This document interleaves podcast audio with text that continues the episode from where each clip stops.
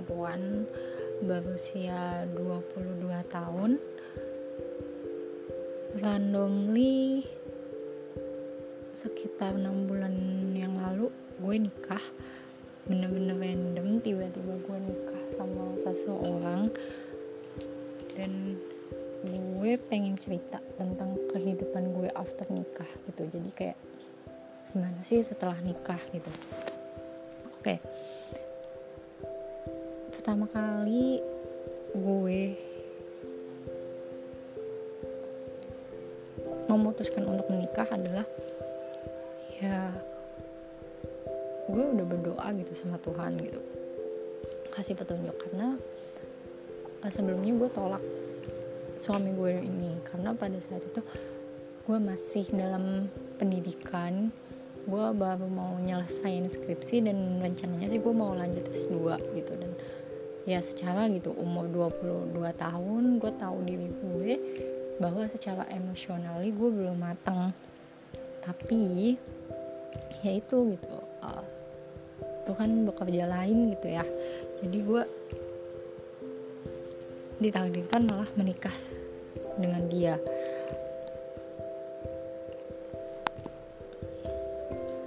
Terus setelah menikah dari situ ya banyak fakta-fakta yang terkuak tentang suami gue itu dan itu yang cukup bikin sedikit gue kecewa gitu. Karena berbeda dengan ekspektasinya. Tapi di sini bukan masalah harta ya.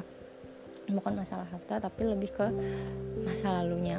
Jadi dia itu sering ngeledekin gue tentang masa lalu gue. Ya jadi gue dulu pernah sekali dekat sama cowok dan ya sebelum nikah sama dia juga ya gue baru-baru aja memutuskan hubungan dengan cowok gue yang dahulu. Dan suami gue itu tahu itu mantan gue lah. Uh, dia sering nyindir gue sering membanding-bandingkan mengungkit-ungkit masa lalu gue gitu. Karena ketika nikah ya mungkin uh, gue kan cuma tiga bulan ya deket sama suami gue. Jadi uh, chemistry-nya tuh belum terbentuk. Apalagi gue orangnya tuh cuek gitu. Dan suami gue tuh selalu bilang katanya gue tuh belum move on sama mantan gue. Terus uh, gue itu masih mencintai dia dan lain sebagainya lah gitu. Terus ternyata faktanya adalah mantan suami gue itu lebih banyak daripada gue di situ gue kecewa gitu. Karena gue yang gue kenal kan suami gue tuh udah alim gitu ya. Tapi ya udahlah gitu kan. Toh dia sudah selesai dengan masa lalu itu. Yang bikin gue kesel adalah kalau gue bisa selesai gitu bisa terima masa lalu dia kenapa dia tuh nggak bisa terima gitu? Masih kayak ada rasa gimana gitu? Dan itu bikin gue sedih ya karena gue ngerasa ngapain sih ngeributin ini ketika sudah memulai hidup baru dengan orang yang baru gitu? Gue rasa ada hal-hal yang lebih cerdas yang harus kita obrolin dan semacamnya. Dan for your information 6 bulan nikah. Berat badan gue turun 6 kilo ini bukan berarti gue nggak bahagia ya dan gue jelek-jelekin suami gue. Nggak ini gue jujur lebih kayak ke sharing tentang uh, permasalahan dari diri gue sendiri. Karena gue bingung mau cerita sama siapa. Jadi gue bener-bener ngikut suami di sini di kosan kita berdua suami gue kerja gue ditinggal dan dengan lingkungan yang ya baru gitu ya di kanan kiri gue ya ibu-ibu gue bingung gitu. Kadang gue mau ikut ngobrol apa gitu kan. Jadi ya gue temenan tuh cuma sama sosial media gitu. Cuma lihat tutorial YouTube tutorial masak tutorial beres-beres gitu kan. Karena gue uh, ber, berapa namanya berkomitmen sama suami gue kita bikin deal bahwa oke okay, gue itu jalanin uh, kewajiban gue sebagai istri bukan untuk mencari nafkah gitu. Boleh kerja tapi kan itu bukan prioritas gitu kan. Ya udah gue sih berpikiran nanti gue mungkin bisa apa ya ya mungkin jualan online atau nyari apa ya kerajinan apa yang bisa gue bikin di rumah. Tapi sampai sekarang gue belum bisa memberdayakan diri gue sumpah itu bikin apa ya uh, tekanan di dalam diri gue tapi gue di satu sisi gue kayak pengen menerima diri gue sendiri gitu. Bahwa ya udahlah terima apa adanya diri lo sekarang. Kalau bukan diri gue yang cinta sama diri gue yang sayang sama diri gue siapa lagi gitu kan gue udah cukup stres gitu ya dengan ya indikatornya adalah berat badan yang turun drastis gitu. Berarti sekilo gue tuh 6 kilo lumayan juga ya daripada diet. Enggak sih sebenarnya gue udah kurus ya dengan tinggi 164 gue berat badan tuh 50 sebelum nikah. Setelah nikah sekarang 44 dan kondisinya sekarang gue udah eh bukan udah ya. Gue lagi hamil sekitar satu bulan. Dulu gue sempat hamil cuma 6 minggu. Jadi dua bulan sebelum kehamilan ini gue ngalamin keguguran. Dan tahu gak sih keguguran gue itu karena apa? Karena stres gitu. Jadi gue jaga banget diri gue ini kandungan gue ini biar gue nggak terbawa emosi atau stres gue gitu dan salah satu pelariannya adalah gue bikin podcast ini. Bodo amat mau ada yang dengerin atau nggak ada yang dengerin. Seenggaknya uh, emosi gue atau unek-unek gue tersampar, tersampaikan atau tersalurkan ya kan? Daripada ngendap jadi penyakit. Oke okay. terus mungkin kenapa lu nggak komunikasi sama suami lu? Apakah lu nggak happy atau kalau lu nggak bahagia atau mungkin lu nggak bisa cinta. Gini ya gue jelasin gitu bahwa gue sebelum memutuskan menikah sama dia gue sudah memutus jauh-jauh menutup pintu semua uh, pintu-pintu masuk semua pintu-pintu komunikasi sama mantan gue. Gue udah datang baik-baik ke keluarganya uh, menjelaskan kondisi yang ada. Kenapa sih gue uh, putus sama dia. Gue putus sama dia itu ya udah lama sih sebelum sebenarnya sebelum sebelum nikah. Tetapi ternyata keluarga si mantan gue itu belum tahu. Jadi mantan gue itu nggak ngomong sama keluarganya. Jadi gue yang datang ke keluarganya ngejelasin dan alhamdulillah mereka uh, paham gitu ya. Mereka paham mereka nerima dan mereka support gitu. Bahkan gue disuruh kalau kalau memang sudah nggak jodoh ya tetap main. Kali gue juga perasaan mantan gue kali gitu. Nggak punya muka banget gue.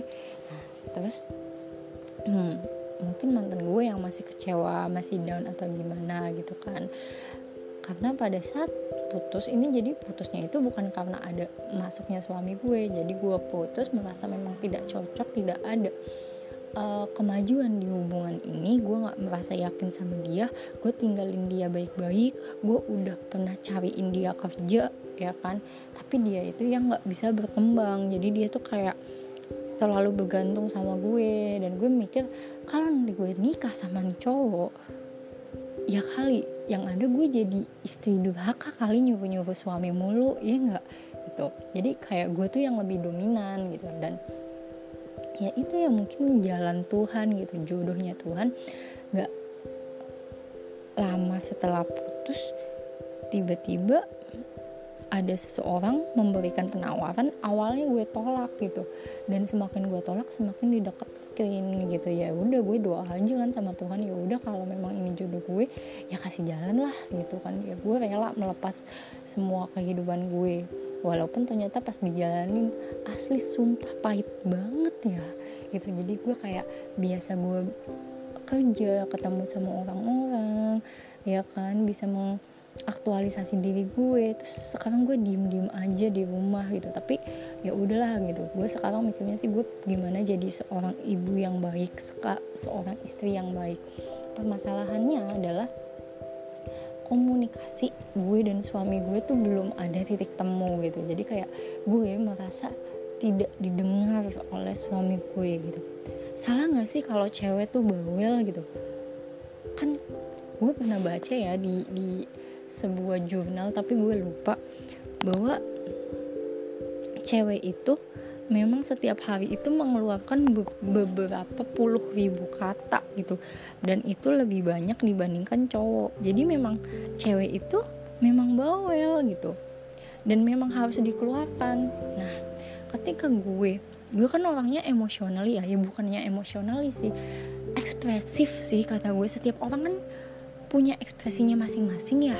Jadi kayak kalau di mata suami gue gue tuh harus yang lemah lembut ya udah nggak usah ngegas gitu ngomongnya tuh nggak usah pakai emosi gitu. Padahal ya menurut gue itu biasa bagi gue cuman memang cara ngomong gue tuh seperti itu gitu. Jadi kayak uh, ketika gue ngomong nih ketika gue berkomunikasi sama suami gue gue ngomong dia bilang gue baru mulai ngomong nih ya nyerempet dikit gitu.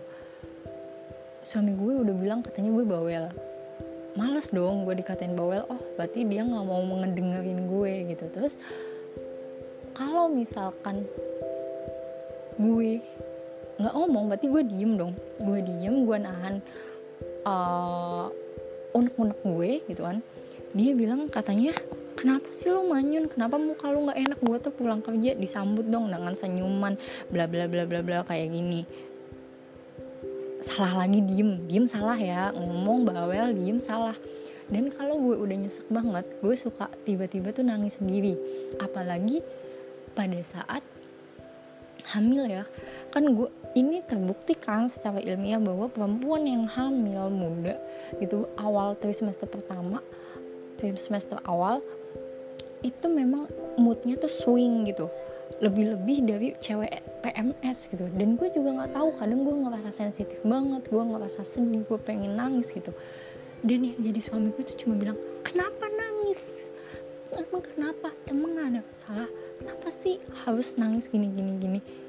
Nangis salah min padahal ya lo pikir gitu kayak ketika lo udah menikah sama seseorang gitu sama pasangan lo ya lo terima gitu bahagianya dia, tangisnya dia, ketawanya dia gitu. Bahkan lo harusnya tuh bersyukur dia itu mengungkapkan itu sama lo, berarti dia itu percaya gitu. Dan yang gue alami sekarang ya, gue tuh kayak males mengekspresikan diri gue di hadapan suami gue. Jadi kayak, oh jadi lo maunya istrinya tuh kayak flat, kayak Mbak Google tau gak sih Mbak Google yang kayak selamat datang terima kasih nggak nggak nggak ada uh, apa ya namanya ya?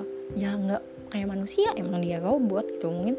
Oh jadi lama-lama gue bisa jadi robot di sini tapi but it's okay gitu. Gue gue pikir podcast bisa jadi pelarian gue yang bagus gitu. Semua ya tapi ya udahlah gitu. Intinya sih gue berfokus pada kesehatan mental gue daripada gue stres. Ya gue nggak mau lah kehilangan janin gue untuk kedua kalinya gitu. Dan gue pernah sih curhat gitu ya. Gue pernah curhat sama suami gue gitu. Gue kan cuma pengen didengerin ya didengerin dan diterima. Ya udah gitu. Uh, biarin aja bini lu tuh ngomong apa gitu. Toh dia juga kalau curhat masalah kerjaan juga ke gue dan gue cuma iya iyain aja. Hmm, kasih nasihat bahkan kasih kopi gitu kan. Dan dia tuh cuma cuma ngomong apa coba kalau gue ngeluh ngasih unek-unek. Dia bilang ya itu lu tuh nggak bersyukur. Lu tuh nggak apa ya kurang ngaji kurang ibadah gini gini kayak yang kesannya gue durhaka banget gitu ya. Tapi ya udah sih ada benarnya juga. Tapi ya gimana ya kayak ya aneh aja gitu. Kayak gue ngerasa dia bukan dia tidak mendengarkan dengan hati